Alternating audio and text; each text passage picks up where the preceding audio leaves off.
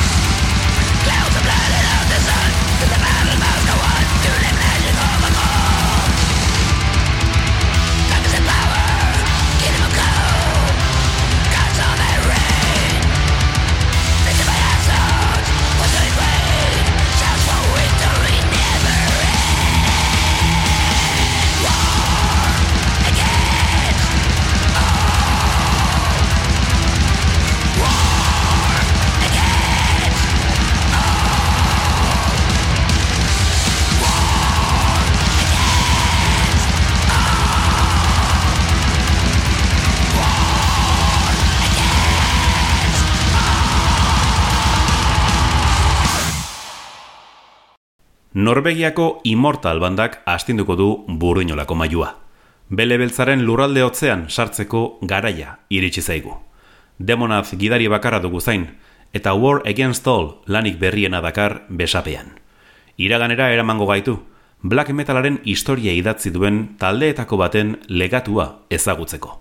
War Against All kantarekin abiatu dugu saioa.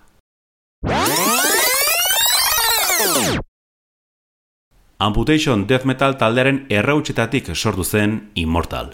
Larogeita amarreko amarkada hasieran izan zen, Norvegiako os udalerrian, Bergen iritik oso gertu. Bergen, Black Metal Norvegiararen sorlekuetako bat da, han eratu zirelako Burzum, Golgoroth eta Taake, besteak beste.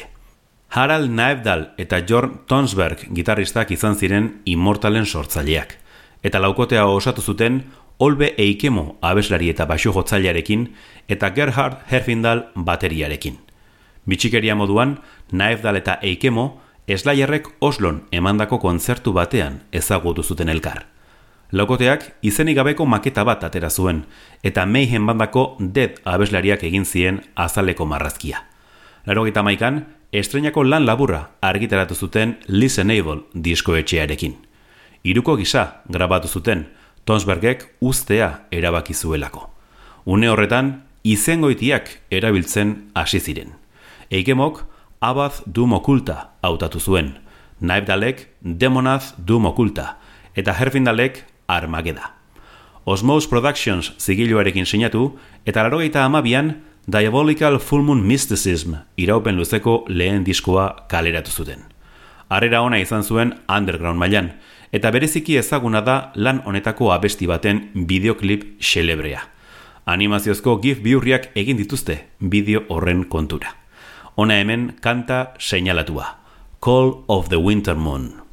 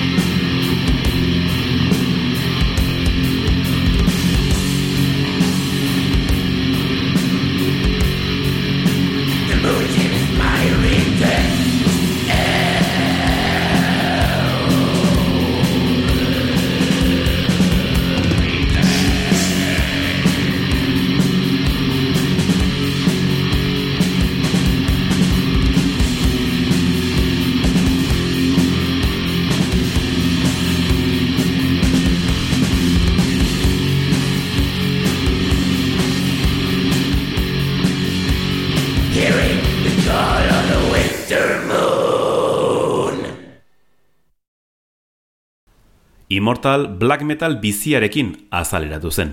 Biziegia armageda bateria jolearen zat. Jan Adle Aserot edo Colgrim musikariak hartu zuen haren lekua. Abazekin Old Funeral taldean ibilitakoa zen, eta Demonazekin Amputation bandan. Colgrim bera izan zen esan zuena eure musika ezin zela black metal gisa etiketatu. Holocaust metal doinuak jorratzen zituztela ohartarazi zuen. Gutxira kanporatu zuten, baina ez dakigu horregatik izan zen ala ez. Kontua kontu, laro gita amairuan, Pure Holocaust bigarren diskoa argitaratu zuten. Abaz bera arduratu zen bateria ere jotzeaz. Hau duzue, Unsilent Storms in the North Abyss.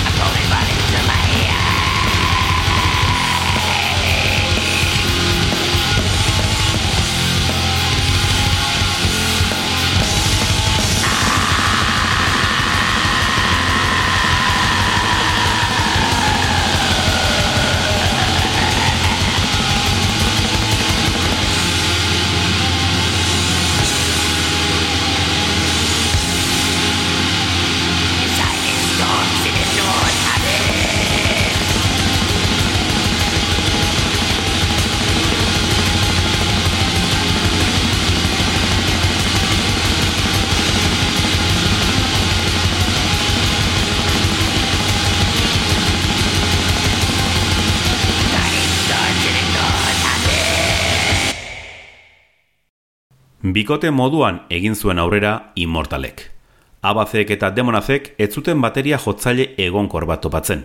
Grim izan zuten alboan denbora batez, Bornagar eta Gorgoroz bandetan ibilitakoa. Larogita emeretzian hil zen gaindosi baten ondorioz. Urte batzuk lehenago, larogita amabostean, bikoteak Battles in the North irugarren disko esanguratsua kaleratu zuen. Eskaini nahi zuten black metal hotza eta zorrotza islatu zuten lan horretan.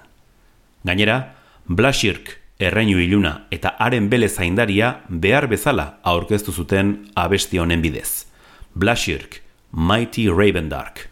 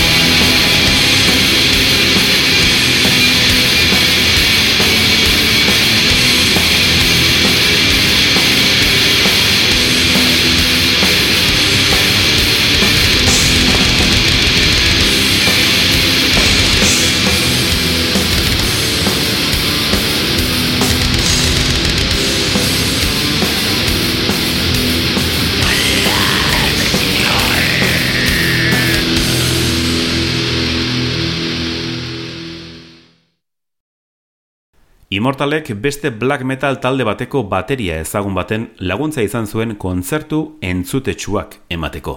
Mayhemeko Hellhammer. Ordea, kide finko bat nahiago zuten, irukoa egonkortzeko. Azkenik, horrela topatu zuten larogeita amaseian, Reidar Horhagen eta goitizen logiko bat aukeratu zuen, Ork.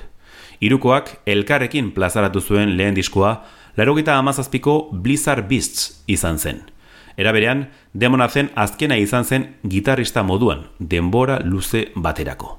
Tendinitis kroniko batek joko ezkampo utzi zuen. Horrela ere, taldearentzako letrak idazten segitu zuen. Ala beharrez, abazek gitarra hartu zuen, eta Aeternus bandako Ronnie Hoblan basu jolea fitxatu zuten zuzenekoetarako. Ares ez izenarekin aritu zen. Ordea, ez zuen eurekin jarraitu, eta abazek ia dena jo eta grabatu behar izan zuen bosgarren diskorako. Larogita emeretzian argitaratu zuten At the Heart of Winter lana, ekoizpen aletik ordura arteko onena. Peter Tagren musikari eta soinu teknikariarekin grabatu zuten Abyss estudioetan. Diskoaren azalak ere badu berea. Aurreneko aldiz, taldekiderik agertzen ez delako. Logoa ere sinpletu zuten. Hona hemen,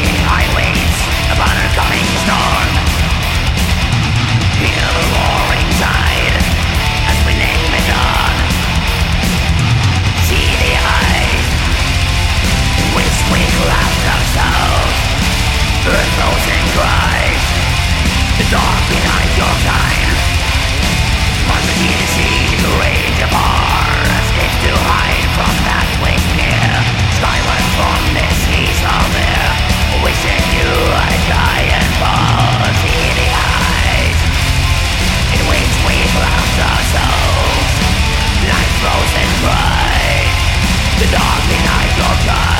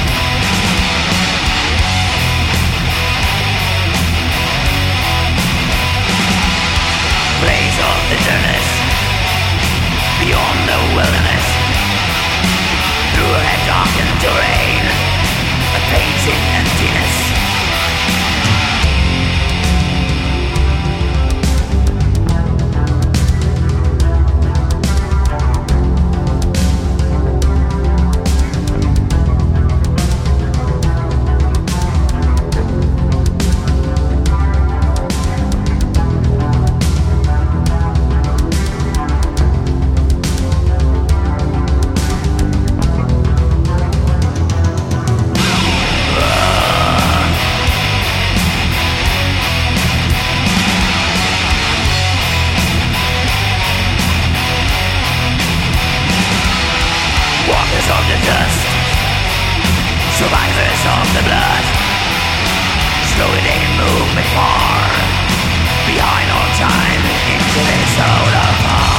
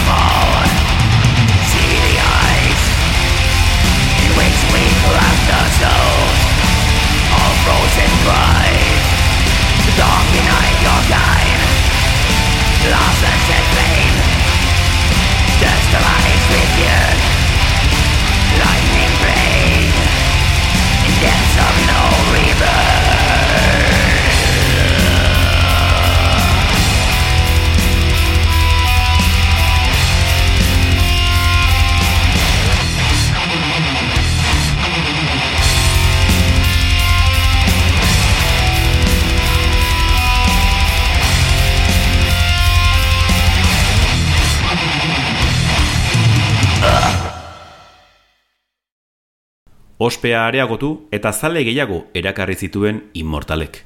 Garaiko black metal bandetako bat bihurtu zen. Abazek eta orgek irukoa berrosatzea lortu zuten Estian Smorholm basu jolearekin. Izkaria goitizena hartu zuen. Estudiora itzuli eta Osmous zigiluaren aroko azken diskoa plazaratu zuten 2000 garren urtean. Damned in Black. Arrakastari eusteko baliagarria izan zen. Hau duzue, my dimension.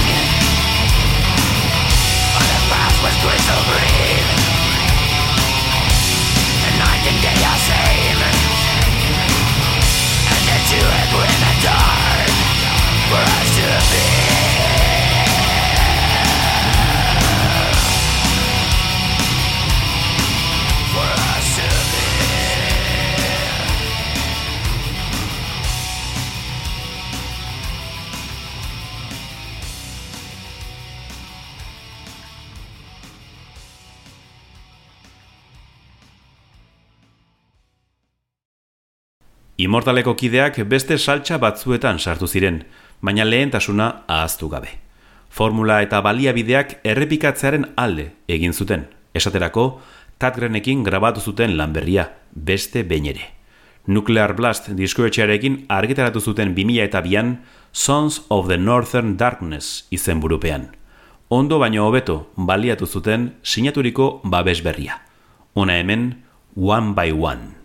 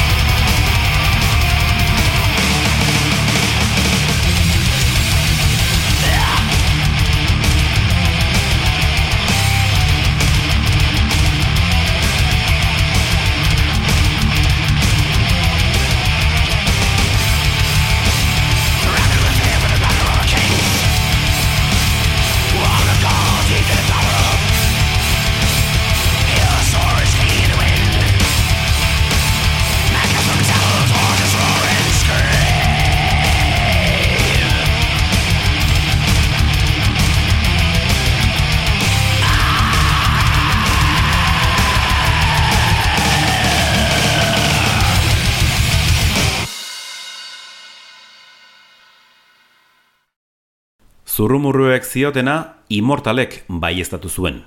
2000 eta iruan taldea desegitea erabaki zuten, denbora beste proiektu batzuei eskaintzeko. Abazek hainbat kolaborazio egin zituen, eta demonazekin batera ai banda sortu zuen. Horgek berriz, hipokrisirekin batekin, eta Pain eta Green Fist taldetan jotzen jarraitu zuen. Hiru urte beranduako, 2000 eta seian, berriz elkartzea erabaki zuten, zazpi kontzertu emateko munduko zazpi jaialdi ezagunetan. Beste basu jotzaile bat topatu zuten horretarako, Aura Noir bandako Ole Jorgen Moe, Apolion izengoitiarekin. Zuzenekoen ostean, gutxi behar izan zuten abesti berriak egiteko. 2000 eta bederatzean kaleratu zuten All Shall Fall itzulera diskoa, orotara zortzigarrena. Hau duzue, Orders to War.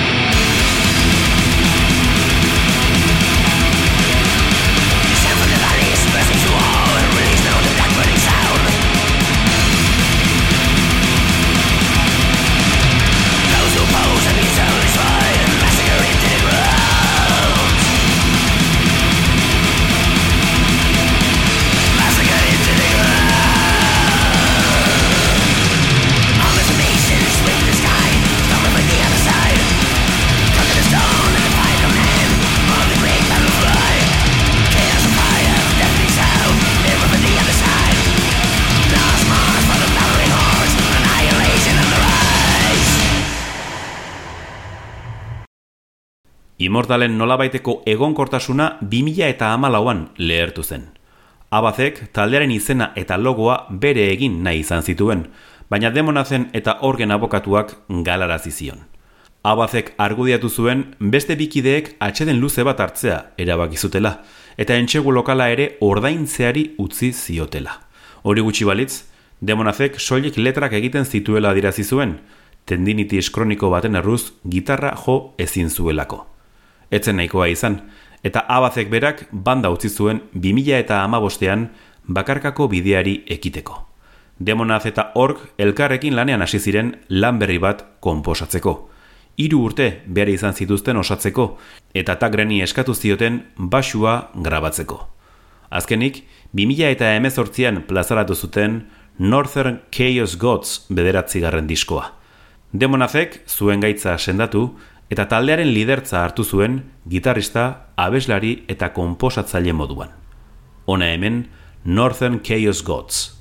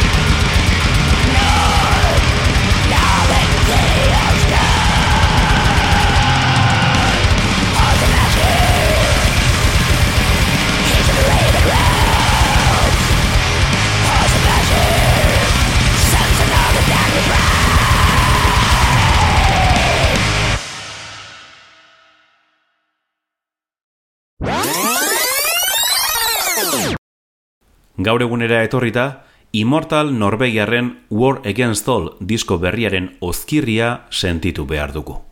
Bakardadea ere transmititzen du, demonazek bakar bakarrik kaleratu duelako. Horgek 2000 eta hogeian utzi zuen. Horrela ere, demonazek euren black metal ilezkorra mantentzea lortu du. Programa amaitzeko, disko berriko Return to Cold abestia hautatu dugu. Urrengora arte, metal